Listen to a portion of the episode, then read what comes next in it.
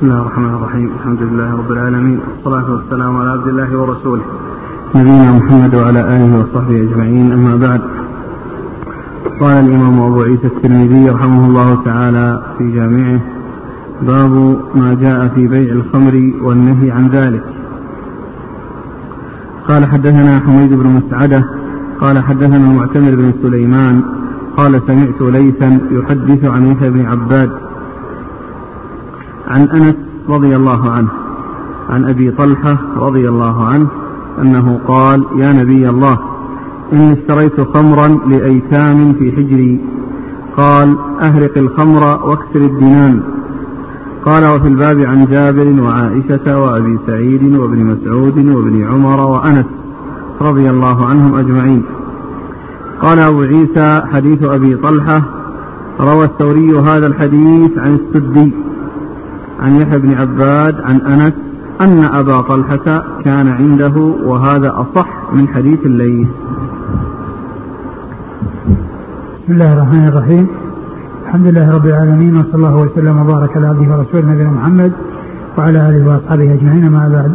فيقول الإمام أبو عيسى رحمه الله في جامعة باب في بيع الخمر والنهي عن ذلك. أي أن الخمر لما حرمت فإنه يحرم بيعها. و وما حرم والذي وإذا حرم شيء حرم ثمنه.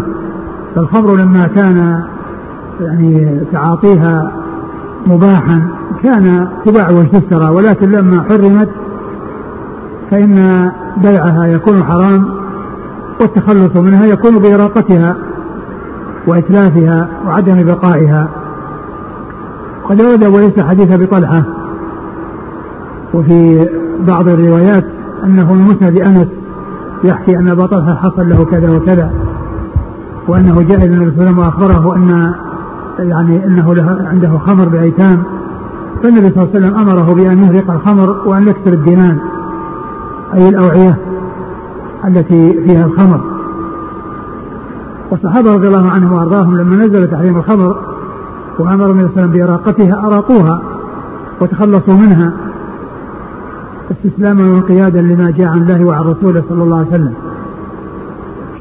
وأما الدنان التي هي الأوعية فقيل إن كسرها لأن لأن الخمر تشربتها ودخلت فيها وخلطتها وقيل إن ذلك مبالغة يعني في التخلص منها ومن أوعيتها. يعني حتى أن الظرف الذي كان مخصصا للخمر يتخلص منه كما تخلص من الخمر نفسها. وإذا كان الخمر لا تؤثر يعني في الوعاء وإنما تغسل وتلك الأوعية ولا تأثير لها في الوعاء فلا مانع من الانتفاع بها ويعني وأما إذا كان آه يمكن أن يكون آه للخمر أثر في تلك الأوعية فإن إبقاءها لا يجوز. نعم. قال حدثنا حميد بن مسعدة حميد بن مسعدة ثقة صدوق أخرجه مسلم وأصحاب السنن. عن المعتمر بن سليمان. المعتمر بن سليمان ثقة أخرجه أصحاب الكتب الستة. عن ليث. ليث بن أبي سليم وهو صدوق اختلط وحديثه وقال البخاري تعليقا ومسلم وأصحاب السنن. البخاري تعليقا ومسلم وأصحاب السنن. عن يحيى بن عباد. عن يحيى بن عباد وهو ثقة أخرج له البخاري في المفرد ومسلم وأصحاب السنن. البخاري في المفرد ومسلم وأصحاب السنن. عن أنس. عن أنس رضي عن أنس عن نعم عن أنس. عن أنس رضي الله عنه وهو وهو أحد السبع المكثرين من حديث رسول الله صلى الله عليه وسلم. عن أبي طلحة. عن أبي طلحة وهو زيد بن سهل أخرج حديثه اصحاب الكتب الستة. قال وفي الباب عن جابر جابر بن عبد الله الأنصاري رضي الله عنهما أحد المكثرين من حديث رسول الله صلى الله عليه وسلم. وعائشة وعائشة أم المؤمنين الصديقة بن الصديق وهي ممن أكثر الرواية عن رسول الله صلى الله عليه وسلم. وأبي سعيد وأبو سعيد الخدري كذلك أحد المكثرين من حديث رسول الله صلى الله عليه وسلم. وابن مسعود وابن مسعود الهذلي عبد الله أخرج حديثه اصحاب الكتب الستة. وابن عمر وابن عمر أحد العبادلة وأحد السبعة المكثرين من حديث رسول الله صلى الله عليه وسلم. وأنس. وأنس يعني هو الذي سيأتي. نعم. قال أبو عيسى حديث أبي طلحة روى الثوري هذا الحديث عن السدي. الثوري هو سفيان بن سعيد المسروق الثوري ثقة فقيه أخرجه أصحاب في الستة. وأما السدي فهو إسماعيل بن عبد الرحمن. إسماعيل بن عبد الرحمن وهو صدوق. يهم.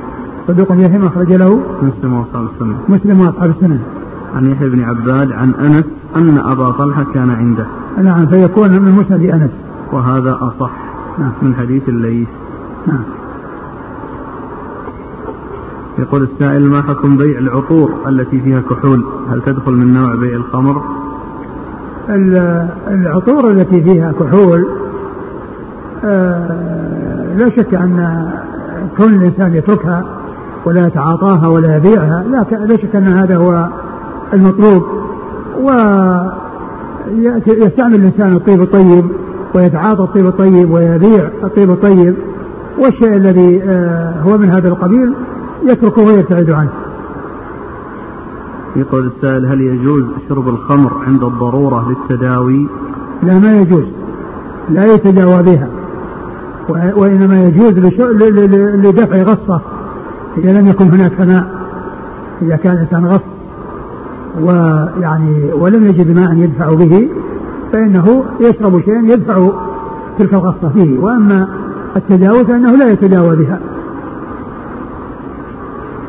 قال رحمه الله تعالى النهي أن يتخذ الخمر خلا قال حدثنا محمد بن بشار قال حدثنا يحيى بن سعيد قال حدثنا سفيان عن السدي عن يحيى بن عباد عن أنس بن مالك رضي الله عنه أنه قال سئل النبي صلى الله عليه وآله وسلم أيتخذ الخمر خلا؟ قال لا. قال أبو عيسى هذا حديث حسن صحيح. ثم أبو عيسى باب النهي أن يتخذ النهي أن يتخذ الخمر خلا. أي أن تخلل الخمر بحيث يوضع فيها أشياء حتى تذهب أو يذهب إسكارها. وذلك لا يجوز لأن النبي صلى الله عليه وسلم سئل عن الخمر تتخذ خلا فنهى عن ذلك ومنع من ذلك. ولو كان اتخاذ الخمر خلا جائز وأنه يجوز تخليلها لكانت أموال اليتامى التي آه، أمر الإنسان بإراقتها يمكن الاستفادة منها بتخليلها لكن لما أمر النبي صلى الله عليه وسلم بإراقتها ولم يأذن ببقائها وتخليلها بأن يوضع فيها شيء يذهب إسكارها وتكون خلا. فدل ذلك على أن التخليل لا يجوز. وأيضا الرسول صلى الله عليه وسلم في هذا الحديث سئل عن الخمر تتخذ خلا فقال لا يعني لا يجوز لأن هذا فيه إبقاء للخمر ومحافظة عليها ويعني عمل أي شيء يذهب إسكارها وذلك بوضع شيء آه، فيها يعني آه، آه، يجعلها خلا وتخرج من أن تكون خمرا كل ذلك لا يجوز. قد نهى عن ذلك رسول الله صلوات الله وسلامه وبركاته عليه والطريق الذي أرشد إليه النبي صلى الله عليه وسلم هو إراقتها والتخلص منها وعدم الاحتفاظ بها ولا تخلل ولا تتخذ خلا. نعم.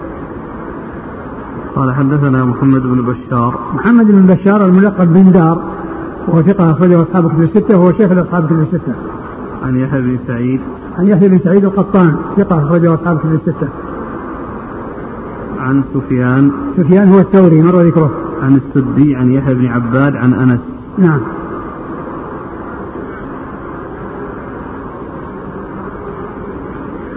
قال حدثنا عبد الله بن منير قال سمعت أبا عاصم عن شبيب بن بشر عن أنس بن مالك رضي الله عنه أنه قال لعن رسول الله صلى الله عليه وآله وسلم في الخمر عشرة عاصرها ومعتصرها وشاربها وحاملها والمحمولة إليه وساقيها وبائعها وآكل ثمنها والمشترى والمشترى له والمشتري لها والمشتراة له.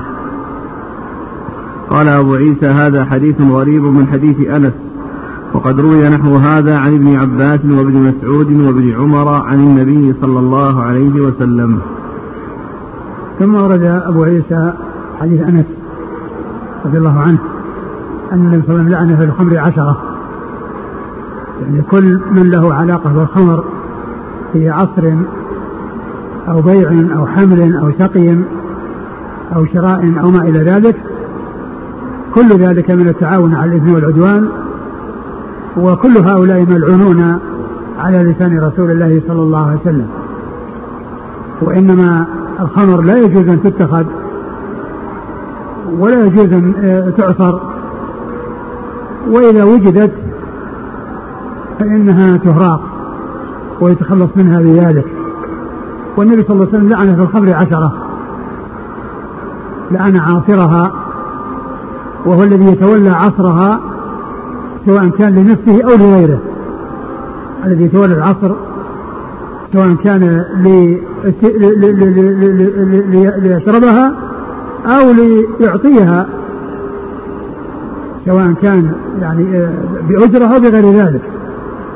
يعني عاصرها ومعتصرها الطالب الطالب من غيره أن يعصرها وسواء كان طلبه من غيره أن يعصرها لنفسه أو لغيره سواء لنفسه أو غيره وشاربها وهو الذي يتعاطى شربها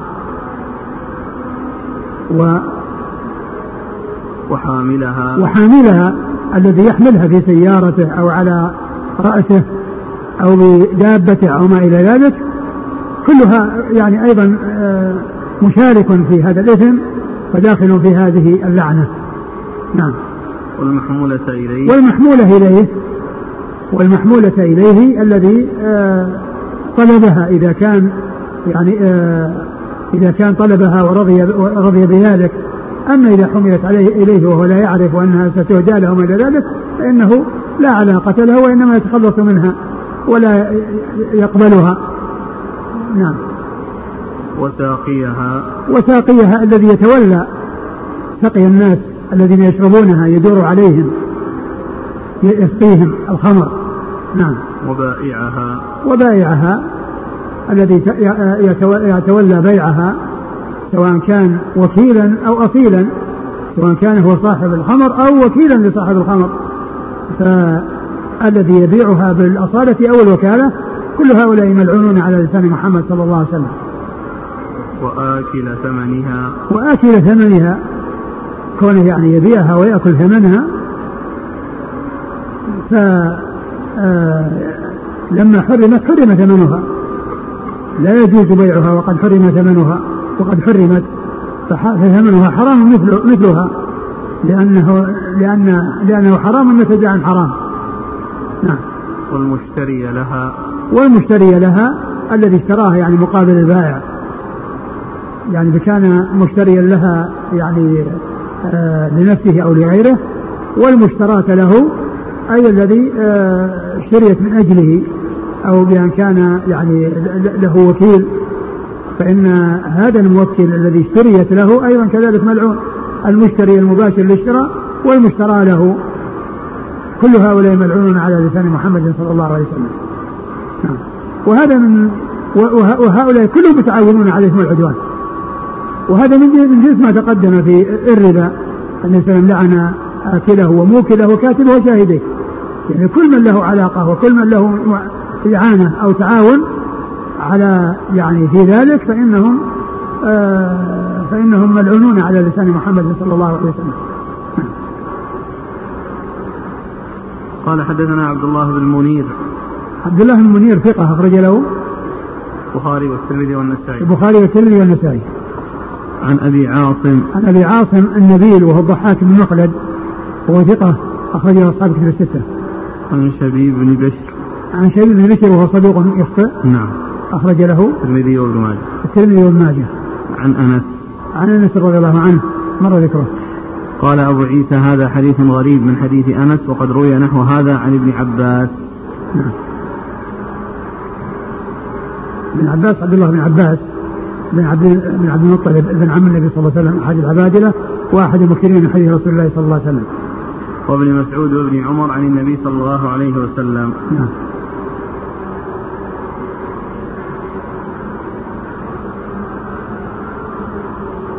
يقول هل يدخل في اللعن من يبيع أي مسكر؟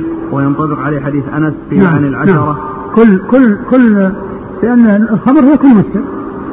لأن الخمر هو كل ما أسكر سواء كان يعني آه، آه، سائلا أو جامدا سواء كان يعني صلبا أو دقيقا.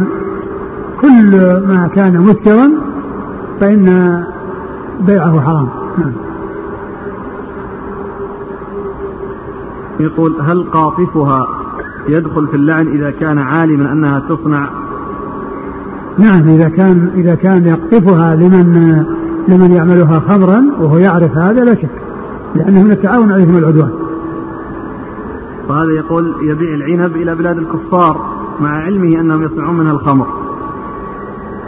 آه إذا كان إذا كان يغلب على الظن أنهم يعني يصنعون منها الخمر وأنهم لا يأكلونها على على هيئتها فذلك لا يجوز.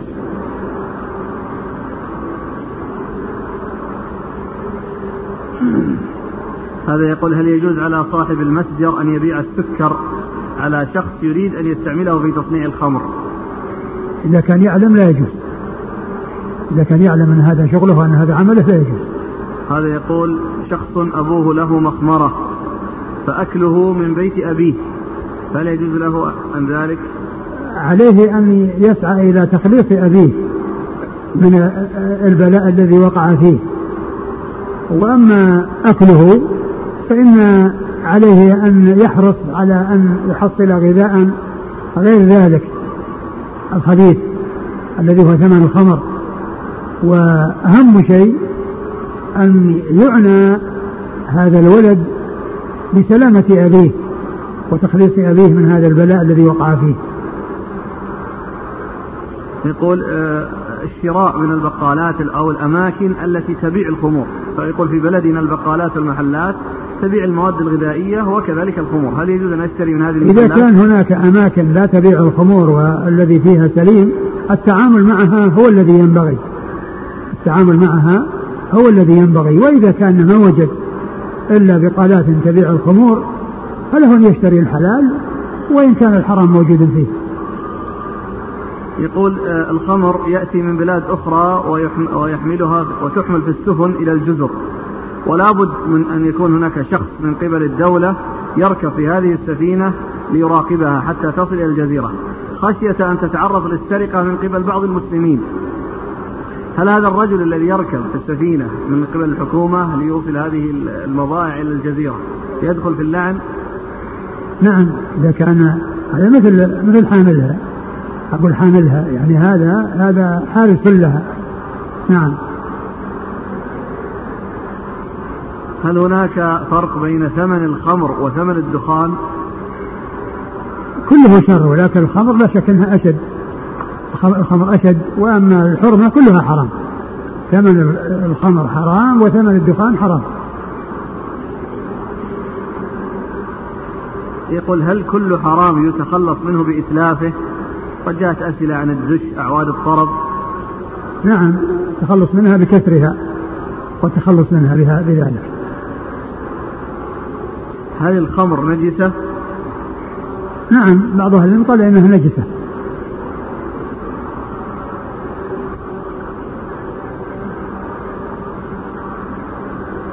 قال رحمه الله تعالى باب ما جاء احتلاب المواشي بغير إذن الأرباب. قال حدثنا أبو سلمة يحيى بن خلف. قال حدثنا عبد الأعلى عن سعيد عن قتادة عن الحسن عن سمرة بن جندب رضي الله عنه أن النبي صلى الله عليه وآله وسلم قال إذا أتى أحدكم على ماشية فإن كان فيها صاحبها فليستأذنه فإن أذن له فليحتلب وليشرب.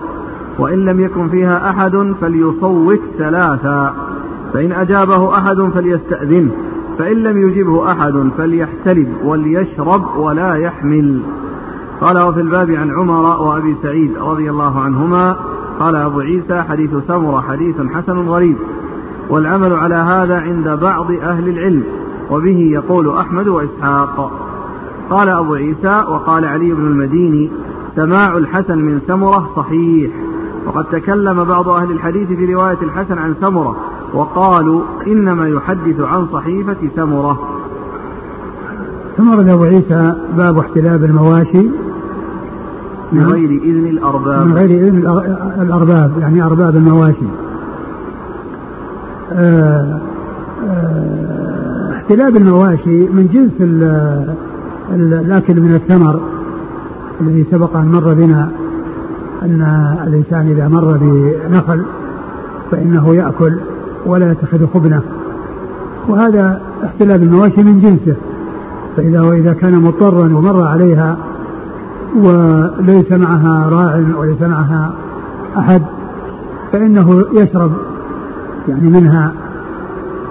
وقد أورد أبو عيسى حديث سمرة بن جندب رضي الله عنه أن النبي صلى الله عليه وسلم قال إذا مر أحدكم بماشية فوجد صاحبها فليستأذن فإذا أذن له شرب وإن لم يجده فإنه ينادي ثلاثا يعني يا صاحب الغنم أو أين صاحب الغنم. فإذا يعني وجده فإن ظهر له لأن قد يكون مختفي بشجرة أو بين الغنم. فإن آه ظهر له فإنه يستأذنه وإن لم يظهر فإنه يحلب. يعني مقدار آه حاجته ولا يتزوج لا يأخذ معه شيء بالطريق. فهذا من جنس الحديث الذي مر فيما يتعلق بالثمر المعلق في النخل وأن المضطر وعابر السبيل فإنه له أن يأكل غير متخذ خبنة يعني من غير يحمل معه شيئا. فهذا من جنسه. والحديث في من رواية الحسن عن سمرة ورواية الحسن عن سمرة المشهور أنه سمع منه حديث العقيقة وما عدا ذلك فإنه لا يعتبر إلا ما صرح فيه بالسماع لكن الحديث له شواهد تدل على ما دل عليه الحديث فيكون آه، معتبرا من أجل آه، ما له من شواهد نعم. يقول صلى الله عليه وسلم إذا أتى أحدكم على ماشية فإن كان فيها صاحبها فليستأذنه نعم. فإن أذن له فليحتلب وليشرب وإن لم يأذن له لا وإن لم يكن فيها أحد فليصوت ثلاثا يعني ما رأى يعني ما رأى صاحب الغنم. فليصوت لأن قد يكون يعني موجود بين الغنم أو أنه موجود في شجرة تحت شجرة. يعني سيما إذا كانت الأشجار كثيفة. ف والغنم يعني منتشرة. فإنه ينادي يقول يا صاحب الغنم يا راعي الغنم. ثلاث مرات فإن آه، آه، خاطبه وظهر له وعلم بأن صاحبها موجود استأذنه وإلا فإنه يشرب آه، دون أن يتزوج.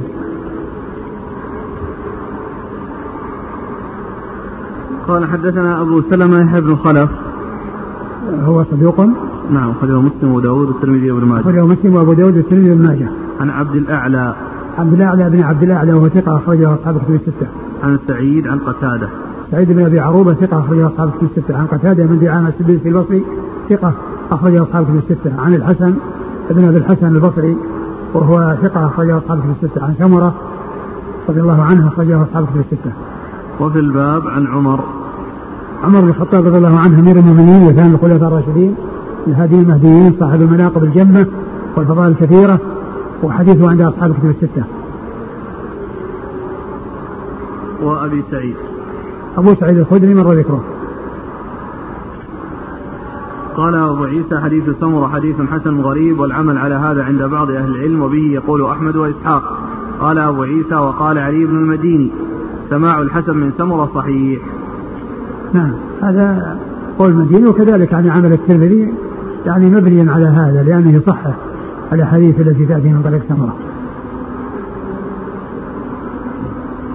وقد تكلم بعض أهل الحديث في رواية الحسن عن سمرة وقالوا إنما يحدث عن صحيفة سمرة. نعم. يقول في هذا الحديث ذكر الاستئذان وفي حديث التمر الذي مر والتمر لم يذكر الاستئذان. فهل يعني حتى لأنه ما في يعني لأن هناك مر يعني ليس في أحد. ليس في أحد الحائط. نعم. لو كان في أحد يستأذن. لو كان في موجود. نعم. يقول هذا الحديث يدل على الغنم فقط أو يقاس عليها كذلك البقر والإبل. من جنسها نعم. لا كلها مثلها مثلها. لكن الغالب أنه يطلق على هو المواشي تطلق على الغنم وعلى الإبل والبقر ولكن غالبا يطلق غالبا على على الغنم.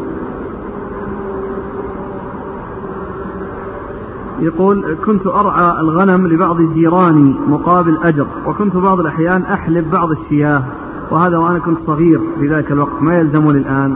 أبد إذا كنت تعلم منهم أنهم لا يمانعون فلا بأس. وإن كنت تعلم أنهم يمانعون فأنت قدر الشيء الذي استأذنهم أول يعني بأن يسامحوك وإن لم يسامحوك فقدر الشيء الذي أخذته منهم وأعطهم مقابله. يقول على ماذا يحمل فعل النبي صلى الله عليه وسلم بغنم عبد الله بن مسعود حيث لم يأذن له فحلب من الشاة التي لم ينزع عليها الفحل؟ إيش؟ ذكر في السيرة أن النبي صلى الله عليه وسلم لما لقي عبد الله بن مسعود وهو يرعى الغنم في مكة حلب من شياته التي يرعاها واستأذنه في شاة لم ينزع عليها الفحل. لا أعرف عنه شيئا. استعمال ما حكم استعمال لفظ الأرباب. الأرباب آه، لا يطلق يعني الرب لا يطلق على غير الله إلا مقيد ومضاف. وهنا الأرباب ال عوضا عن المضاف إليه يعني أربابها لأن ال تأتي عوضا عن المضاف إليه. فأما من أعطى في سورة آه، فإن الجنة هي المأوى يعني مأواه. فإن الجنة هي المأوى أي مأواه. ف وكذلك في سورة الأنفال فضرب الرقاب. نعم يعني رقابهم. نعم. ومولانا؟ ومولانا يعني هي من أسماء الله المولى من أسماء الله عز وجل نعم المولى ونعم النصير. نعم المولى ونعم النصير وجاء لا يغني مولا عن مولا لا يغني مولا عن مولا فيطلق على غير الله أنه مولى ولكن آه وهو وهو سائق لأنه ورد ما يدل على اضافته إلى غير الله سبحانه وتعالى. هل لابد من على المستأذن أن يكون محتاج؟ والله المستأذن آه سواء محتاج أو ليس محتاج ما دام أن ما دام أن صاحبه موجود ويعني وأذن له ما في بأس. لا بأس يعني. ولو كان يعني غير محتاج معنى أنه يعني متزوج وإلا فإنه آه قد أخذ كفايته من قبل وأراد أن يتزوج لا بأس بذلك. ما دام فيه استئذان. يقول عندنا في منطقة عدة أماكن للمواشي.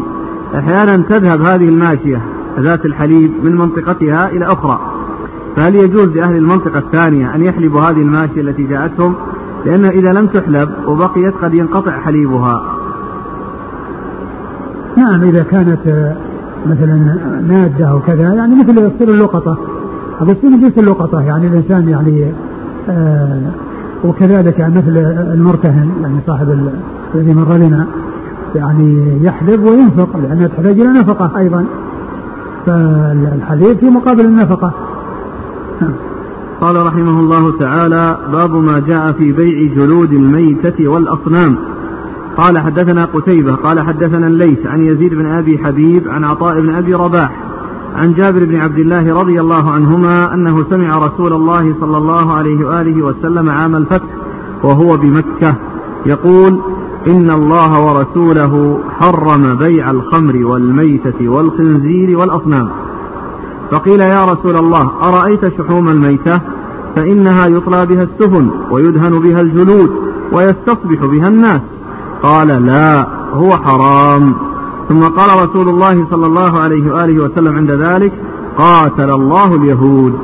إن الله حرم عليهم الشحوم فأجملوه ثم باعوه فأكلوا ثمنه. قال وفي الباب عن عمر وابن عباس رضي الله عنهم قال أبو عيسى حديث جابر حديث حسن صحيح والعمل على هذا عند أهل العلم. ثم أبو عيسى هكذا باب في النهي في النهي؟ لا جاء ما جاء في بيع جلود الميتة والأصنام. باب ما جاء في بيع جلود الميتة والأصنام. فيما جاء في بيع جلود الميتة والأصنام. الميتة لا يجوز بيعها. لا يجوز بيع الميتات. و ويعني ويدخل في ذلك من ذلك جلودها فإنها أيضا لا تباع ولكن يجوز دبغ الجلود جلود الميتة إذا كانت يعني مما يؤكل لحمه كالإبل والبقر والغنم وتظهر بالدباغ كما ثبتت في ذلك السنة عن رسول الله صلى الله عليه وسلم. وأما بيعها قبل أن تدبغ فإنه لا يجوز. لأنه يعني بيع مثل بيع الميتة. جلد الميتة مثل الميتة. لكنه إذا دبغ طهر وصار بيعه جائزا لأن الانتفاع به آه، سائغ. وأما قبل الدبغ وقبل أن يدبغ فإنه لا يجوز بيعه. فعبر هنا فقال جلود الميتة والأصنام. والأصنام هي آه الذي وضع على هيئة صنم سواء كان من الذهب والفضة أو غير ذلك فإنه لا يجوز بيعها وهي على هذه الهيئة وإنما تكسر ويعني حتى يعني تتغير هيئتها وتباع لأنها ذهب كسر من ذهب وأما كونها تباع وهي على هيئتها صنم لا يجوز. وكذلك أيضا لو كانت من حجر منحوتة لا يجوز بيع الحجارة التي هي على هيئة الأصنام وإنما آه، تكسر وتباع تلك الحجارة عندما يحتاج إليها في بناء أو غيره. وأما كونها تباع وهي على هيئة الصنم فإن ذلك لا يجوز. ثم ورد أبو عيسى حديث جابر بن عبد الله رضي الله تعالى عنهما أن الله ورسوله حرم بيع وهذا اللفظ قيل إن معناه أن الله حرم ورسوله حرم. أن الله حرم ورسوله حرم. مثل قول الله الله ورسوله حق يرضوه. يعني والله حق يرضوه ورسوله حق يرضوه. حرم بيع الخمر. حرم بيع الخمر. فالخمر بيعها حرام والواجب هو إتلافها والتخلص منها بذلك. حرم بيع الخمر والميتة, والميتة مطلقة. وحتى جلدها فإنه لا يجوز بيعه لأنه من جنسها نجس ولكنه يجوز أخذه ودبغه ويطهر بالدباغ كما ثبت في ذلك السنة عن رسول الله صلى الله عليه وسلم. وذلك بأن يكون مما يؤكل لحمه وأما ما لا يؤكل لحمه كالوحوش وكالحمير وما إلى ذلك فإنها لا تدبغ ولا تطهر بالدبغ ولا تطهر بالدباغ.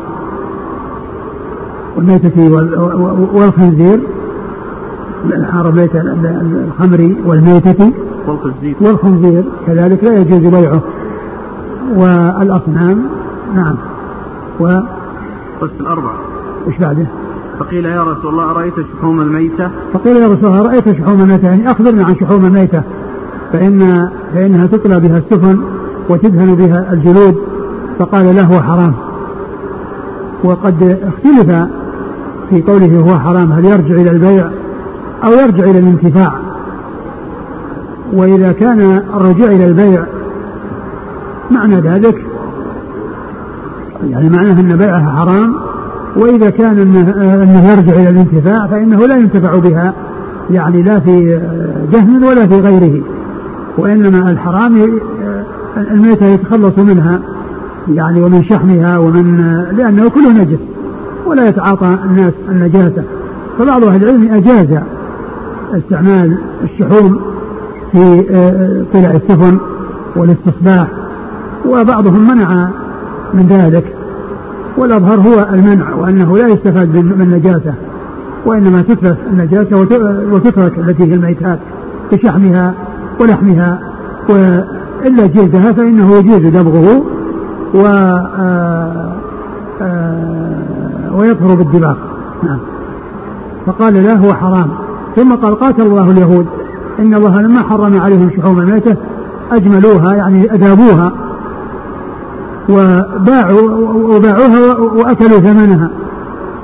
وهذه من الحيل التي يحتال فيها إلى أكل الحرام لأن الشحوم لما حرمت آه، احتالوا إلى أنهم يذيبونها فزود عن كونها شحوم. ولكنها وإن كانت آه، يعني آه، خرجت من كون شحوم وسميت اسم آخر ودك أو غير ذلك فإن النتيجة واحدة.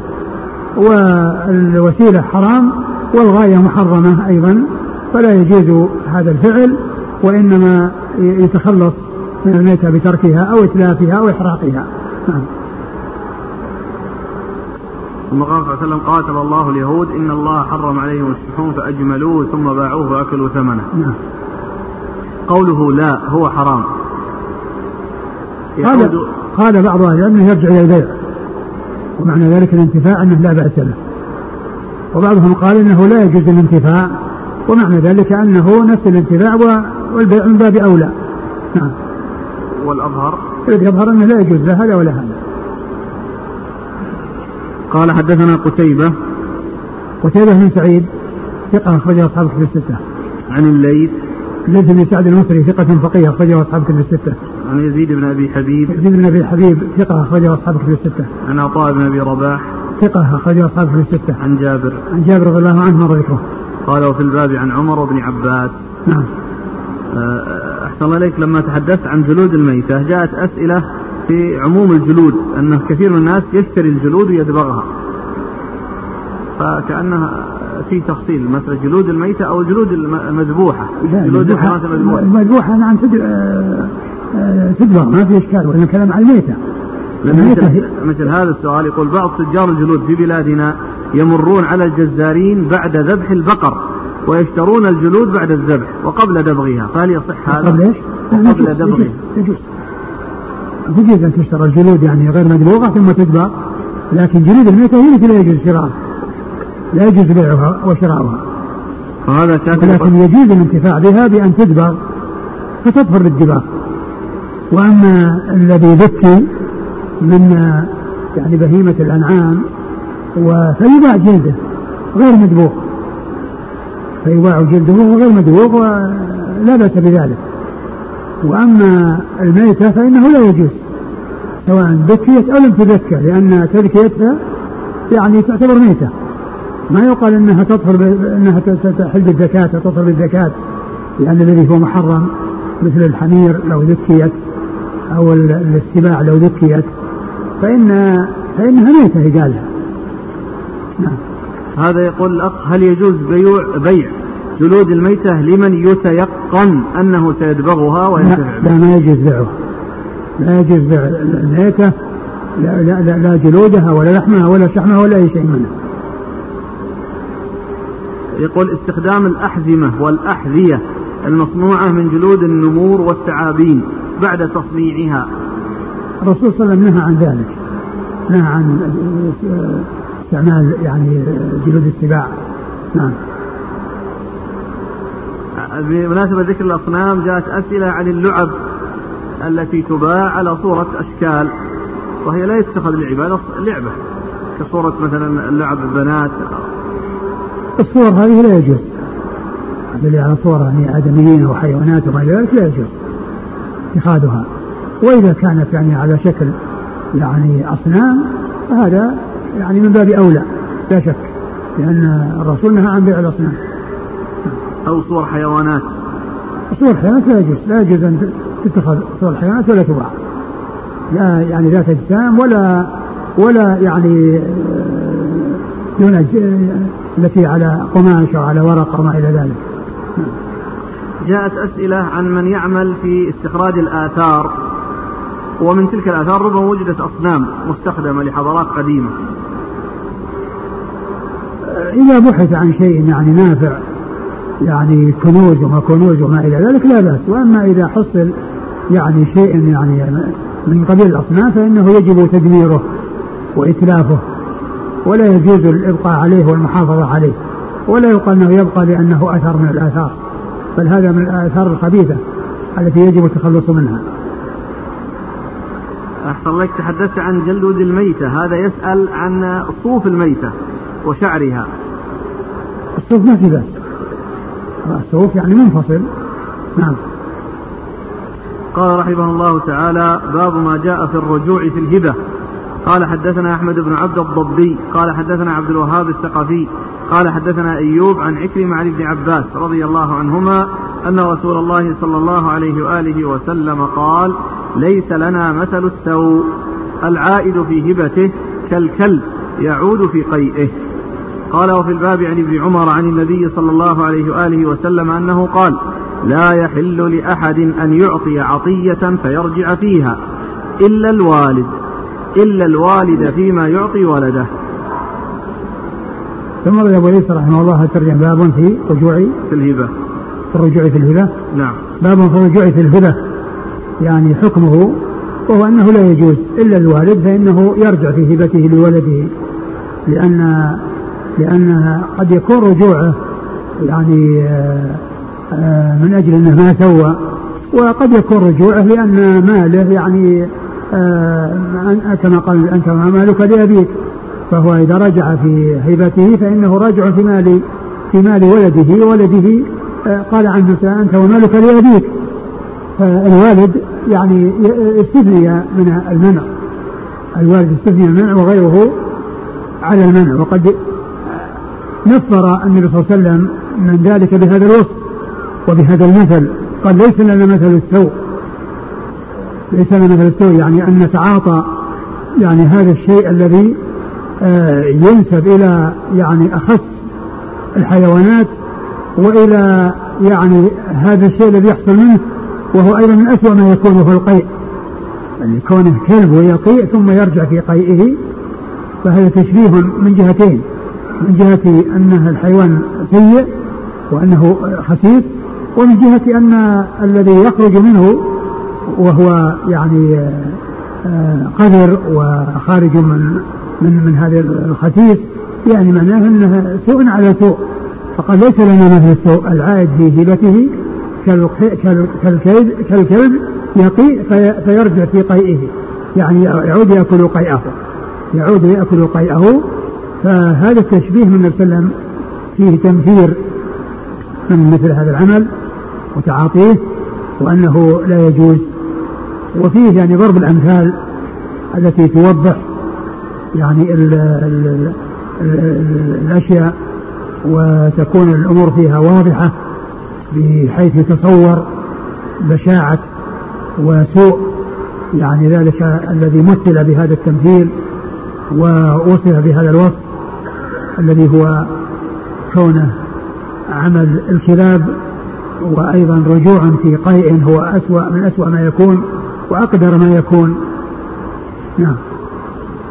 قال حدثنا أحمد بن عبدة الضبي. هو ثقة أخرج أصحاب في الستة إلا البخاري. إلا البخاري. عن عبد الوهاب الثقفي. عبد الوهاب الثقفي ثقة أخرج أصحاب في الستة. عن أيوب. أيوب بن أبي تميم السختياني ثقة أخرج أصحاب في الستة. عن عكرمة. عكرمة مولى ابن عباس ثقة أخرج أصحاب في الستة. عن ابن عباس. نعم. وفي الباب عن ابن عمر قال صلى الله عليه وسلم لا يحل لأحد أن يعطي عطية فيرجع فيها إلا الوالد فيما يعطي ولده نعم. حدثنا بذلك محمد بن بشار قال حدثنا ابن أبي عدي عن حسين المعلم عن عمرو بن شعيب أنه سمع طاووسا يحدث عن ابن عمر وابن عباس رضي الله عنهم يرفعان الحديث إلى النبي صلى الله عليه وسلم بهذا الحديث نعم. محمد بن بشار محمد بن بشار مر ذكره عن ابن أبي عدي. ابن أبي عدي محمد بن إبراهيم آه، صدوق ثقة. ثقة أخرج أصحاب كتب الستة. عن حسين المعلم. حسين المعلم ثقة أخرج أصحاب كتب الستة. عن عمرو بن شعيب. عمرو بن شعيب صدوق أخرجه البخاري جزء القراءة وأصحاب السنة. عن طاووس. طاووس وهو بن كيسان ثقة أخرجه أصحاب كتب الستة. عن ابن عمر وابن عباس؟ نعم. نعم. قال أبو عيسى حديث ابن عباس رضي الله عنهما حديث حسن صحيح. والعمل على هذا الحديث عند بعض أهل العلم من أصحاب النبي صلى الله عليه وسلم وغيرهم. قالوا من وهب هبة لذي رحم محرم فليس له أن يرجع فيها. ومن وهب هبة لغير ذي رحم محرم فله أن يرجع فيها ما لم يسب منها. وهو قول الثوري. هذا يعني يتعلق بالهبة التي من أجل الثواب والتي ما كانت يعني من أجل التواصل ومن أجل الإحسان ومن أجل ال ال المودة وإنما من أجل الثواب. فإذا كان يعني إنسان فقير أهدى إلى إنسان كبير يعني شيئا يريد يعني منه مقابله بأن يعطيه ثم يعني لم يحصل له ذلك فإنه له أن يرجع يعني في هبتها وله أن يأخذها. لأنه ما ما وهبها يعني هبة آه، خالصة وهبة يعني آه، لله عز وجل وإنما أعطاها ليعطى أكثر منها. أعطاها ليعطى أكثر منها. فإذا كانت الهبة من أجل الثواب ولم يثب فإن له أن يرجع فيها. لأنها ما كانت الهبة هذه لغرض وما تحقق ذلك الغرض فإذا أعيدت إليه أو استعادها فله ذلك. نعم. لكن أحسن الله إليك ليش خصصها بذي رحم رحم محرم؟ آه لأن الغالب أن أن التهادي بين الأقارب يعني من أجل الصلة ومن أجل الإحسان فيما بينهم. وأما الهدي الهدية للأجانب لا سيما من الصغار للكبار أو من الفقراء للأغنياء أو من هذا للأمراء وغير ذلك فإن هذا غالبا ما يفعله إلا وهو يريد مقابله أكثر منها أو أضعافه وقال الشافعي لا يحل لأحد أن يعطي عطية فيرجع فيها إلا الوالد فيما يعطي ولده. واحتج الشافعي بحديث عبد الله بن عمر عن النبي صلى الله عليه وسلم أنه قال لا يحل لأحد أن يعطي عطية فيرجع فيها إلا الوالد فيما يعطي ولده.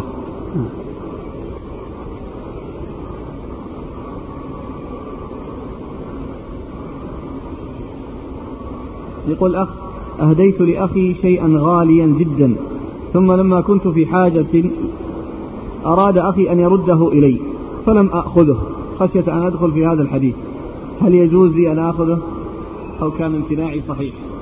إذا كان إذا كان إذا كان ذاك آه، أراد أن يحسن إليك وأنت ما كان في تواطؤ يعني على أنك تستعيد وإنما هو نفسه. يعني كما أحسنت إليه أراد أن يحسن إليك بما رآه فيك من الضائقة هذا ما يقال أنك استعدتها وإنما هو أعيد أعيدت إليك. وأنت لو أهديت وردت عليك الهدية لك أن تأخذها. نعم.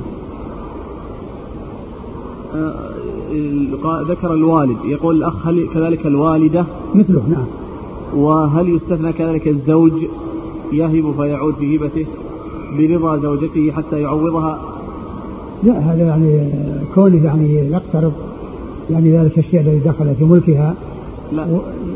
الثاني يقول يريد إذا رجع الرجل في هبته لزوجته مع رضاها على أن يعوضها. ليس له أن يرجع ولكنها إذا إذا تفاهم معها على أساس أنه يعني يأخذ منها شيئا في يدها سواء كان آه، منه أو من غيره ويعني يتفق معها على مقابل لا بأس بذلك.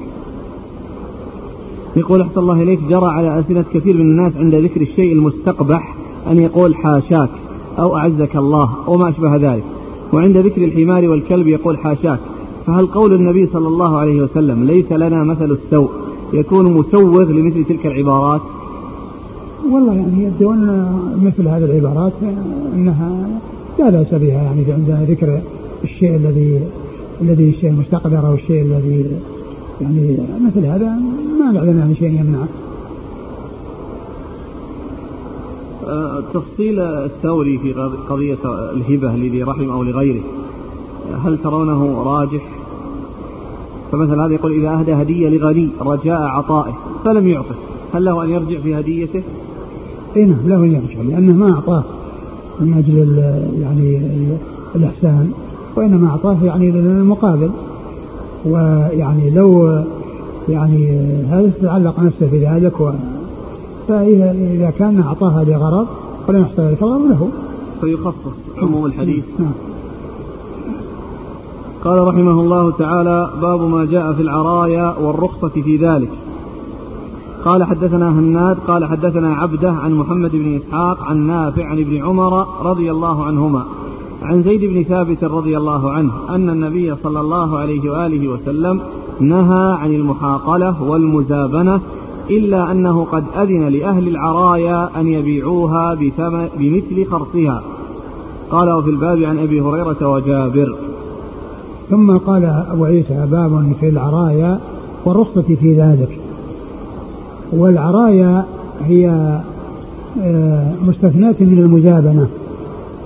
والمجابنة هي يعني بيع التمر بمقابل يعني آه، رطب يعني في النخل وعلى رؤوس النخل بحيث يكون عندهم ناس عندهم تمر قديم وهم بحاجة إلى الرطب الذي آه، حصل وليس عندهم نقود يعني يشترون أو يكون يعني فيتفقون يعني مع صاحب النخل على أنه يأخذ منه نخلتين أو ثلاثة وأربع وتخرص ويعرف أن هذه تساوي كذا من التمر بعدما تيبس ثم يؤخذ يعني ما يماثلها من التمر الذي هو بيد بيد من يريد النخلات ليتفكها في رطبها.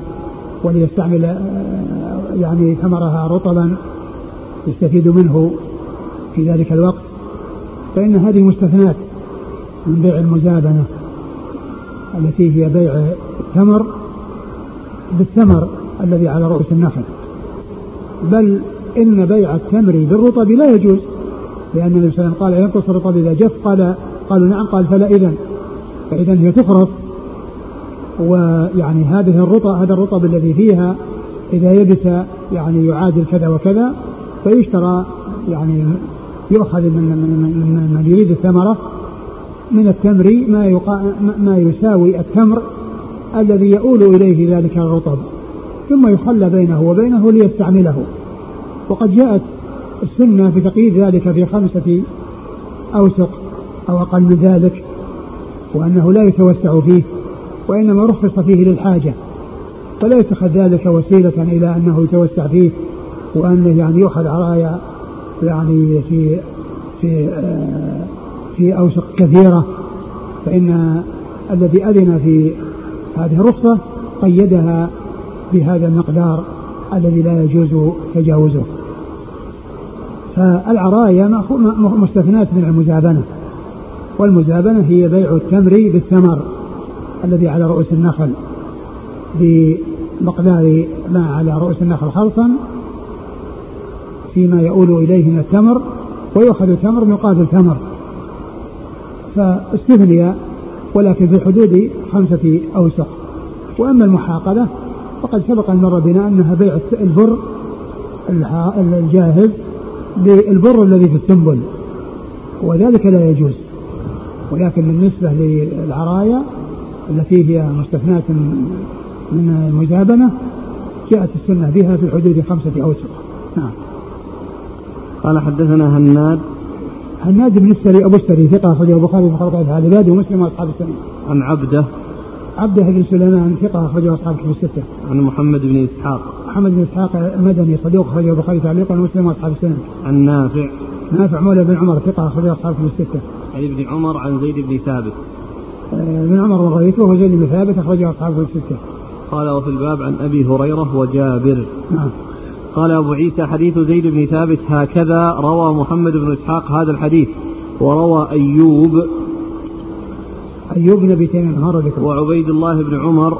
العمري المصغر ثقة أخرجه أصحاب في الستة. ومالك بن أنس.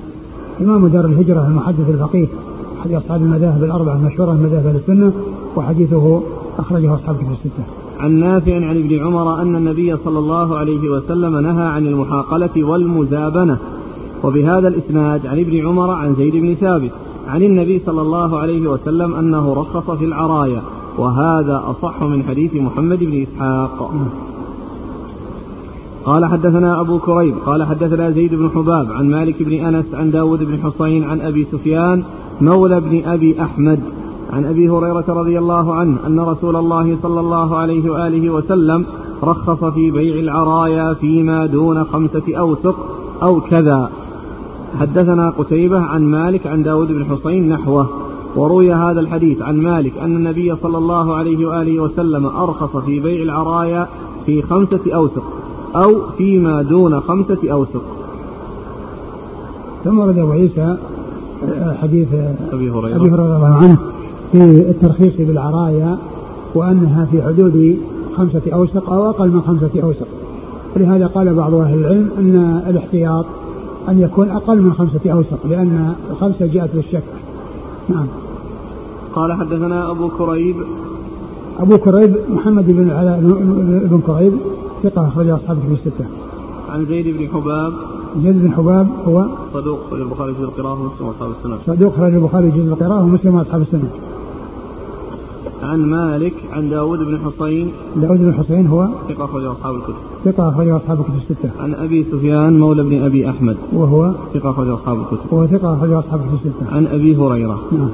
قال حدثنا قتيبة. قتيبة بن سعيد ثقة أخرج أصحاب الكتب الستة. عن مالك عن داود بن حصين نحوه. نعم. قال حدثنا قتيبة قال حدثنا حماد بن زيد عن أيوب عن نافع عن ابن عمر عن زيد بن ثابت رضي الله عنهم. أن رسول الله صلى الله عليه وآله وسلم أرخص في بيع العرايا بخرصها. نعم. بدأ الآية بخرصها يعني خرص الذي على رؤوس النخل. يعني يخرص يعني الخرص هو التقدير والحزر وأنه يعني يبلغ كذا وكذا. هذه الثمرة اللي على هذه النخلة تساوي كذا وكذا. ثم يقدر آه ذلك المخروص تمرا يابسا.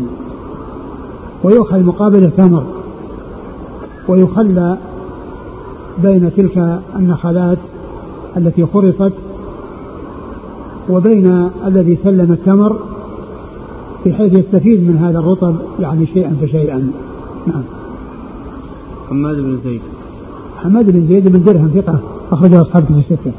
قال أبو عيسى هذا حديث حسن صحيح وحديث أبي هريرة حديث حسن صحيح والعمل عليه عند بعض أهل العلم منهم الشافعي وأحمد وإسحاق. وقالوا إن العرايا مستثناة من جملة نهي النبي صلى الله عليه وسلم إذ نهى عن المحاقلة والمزابنة. واحتجوا بحديث زيد بن ثابت وحديث أبي هريرة. وقالوا له أن يشتري ما دون خمسة أوسق. ومعنى هذا عند بعض أهل العلم أن النبي صلى الله عليه وآله وسلم أراد التوسعة عليهم في هذا لأنهم شكوا إليه وقالوا لا نجد ما نشتري من الثمر إلا التمر. فرخص لهم فيما دون خمسة أوسق أن يشتروها فيأكلوها رطبا. نعم. الثمن تمر. الثمن هو التمر. الثمن؟ الثمن هو التمر. والمثمن هو الثمر اللي على النخل. جاءت الأسئلة هل هذا خاص بالتمر فقط؟ العنب والزبيب مثلا. والله الذي ورد هو في التمر لكن بالنسبة للزبيب هو يشبهه لكن يعني أقول يشبه التمر يعني لكن الحديث يعني ورد في النخل. ما أدري هل في شيء يتعلق بالعنب لا أدري. البر في السنبلة بالبر الجاهز إذا لا كان. لا لا, لا, لا يجوز. لأن هذا لأن هذا كما هو معلوم البر يعني الجاهز وغير الجاهز كلهم يعني سواء ثم لا يستعمل ذاك إلا إذا استوى وانتهى. نعم. قال رحمه الله تعالى باب منه.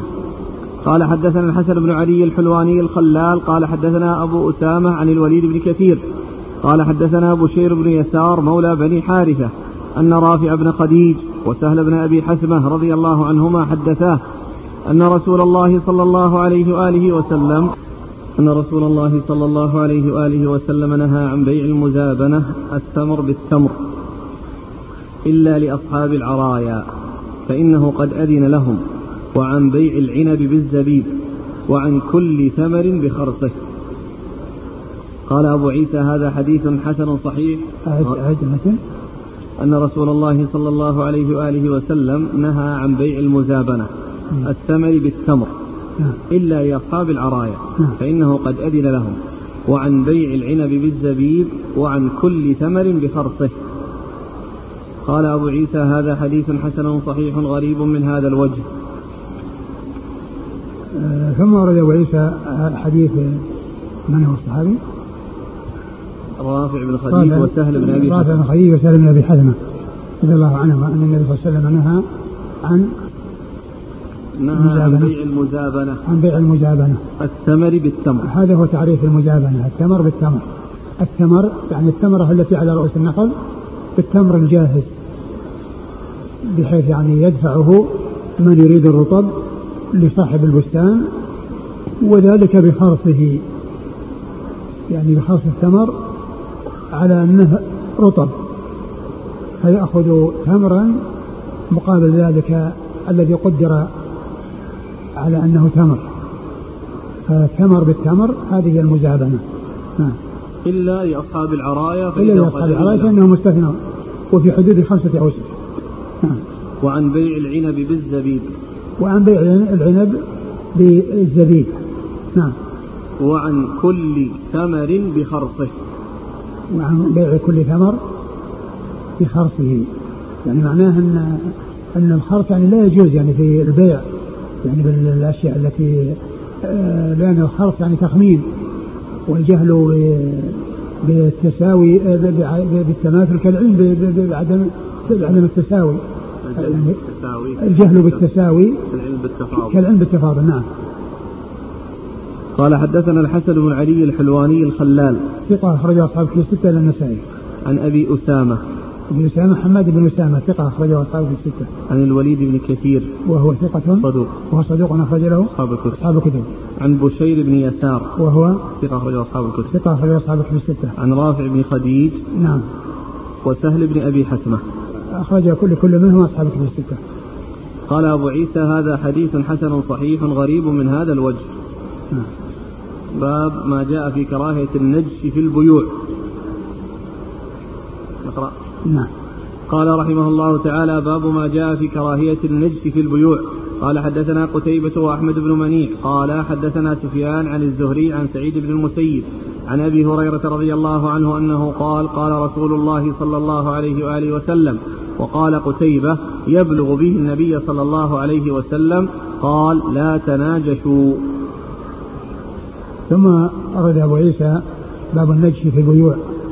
والنجش هو أن يزيد آه، في السلعة وهو لا يريد شراءها. وإنما ليغر المشتري يظن يعني أن أن يعني هذا الطلب وهذا السوم من هذا الشخص أنه لرغبة فيه وأنها تستحق ذلك فيكون يزيد في السلعة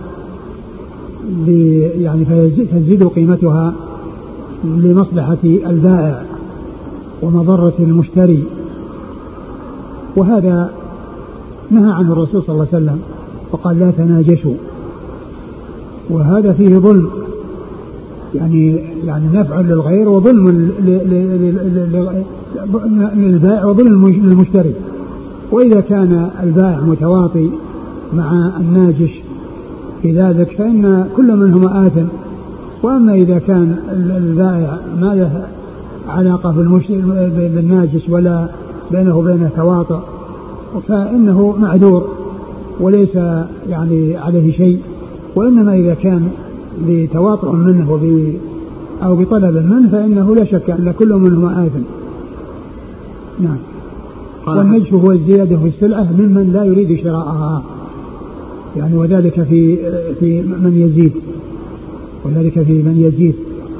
لأنه آه، يحرج عليها ف يعني واحد يزيد من أجل أن يبنى على زيادته وذلك لمصلحة البائع ومضرة المشتري. فيكون ممن يقال ظلم الناس للناس يعني ظلم الناس للناس. يعني المصلحة ليست له وإنما هي لغيره. والفائدة ليست له وإنما هو لغيره فهو يعني ظلم غيره لغيره. نعم. قال حدثنا قتيبة وأحمد بن منيع. آه، أحمد بن منيع ثقة أخرجه أصحاب الكتب الستة. وسفيان عن الزهري. الزهري محمد بن مسلم عبد الله بن شهاب الزهري ثقة فقيه أخرجه أصحاب الكتب الستة. عن سعيد بن المسيب. سعيد بن المسيب ثقة فقيه أحد فقهاء المدينة السبعة في عصر التابعين أخرج له أصحاب الكتب الستة. عن أبي هريرة. نعم. وقال قتيبة يبلغ به النبي صلى الله عليه وسلم. لأن أحد الشيخين لأن لأنه ساقه على يعني لفظ الشيخ أيهما الأول؟ أول قتيبة هو نعم. يعني حكاه على على الشيخ الثاني. أتى به على لفظ الشيخ الثاني. ثم ذكر أن الشيخ الأول هو قتيبة. أتى بعبارة يبلغ به النبي صلى الله عليه وسلم. وأما أحمد المنيع فإن اللفظ الذي ذكر في الأصل هو لفظه يعني قال قال. الأول عن أبي هريرة قال قال قال قال نعم. أبو هريرة يقول قال قال في رواية أحمد المنيع وفي رواية قتيبة بن سعيد قال يبلغ به النبي صلى الله عليه وسلم. وهذا يدل على دقة المحدثين ومحافظتهم على الألفاظ وأن فلان قال كذا وفلان قال كذا. يعني يدل على عنايتهم ودقتهم. نعم.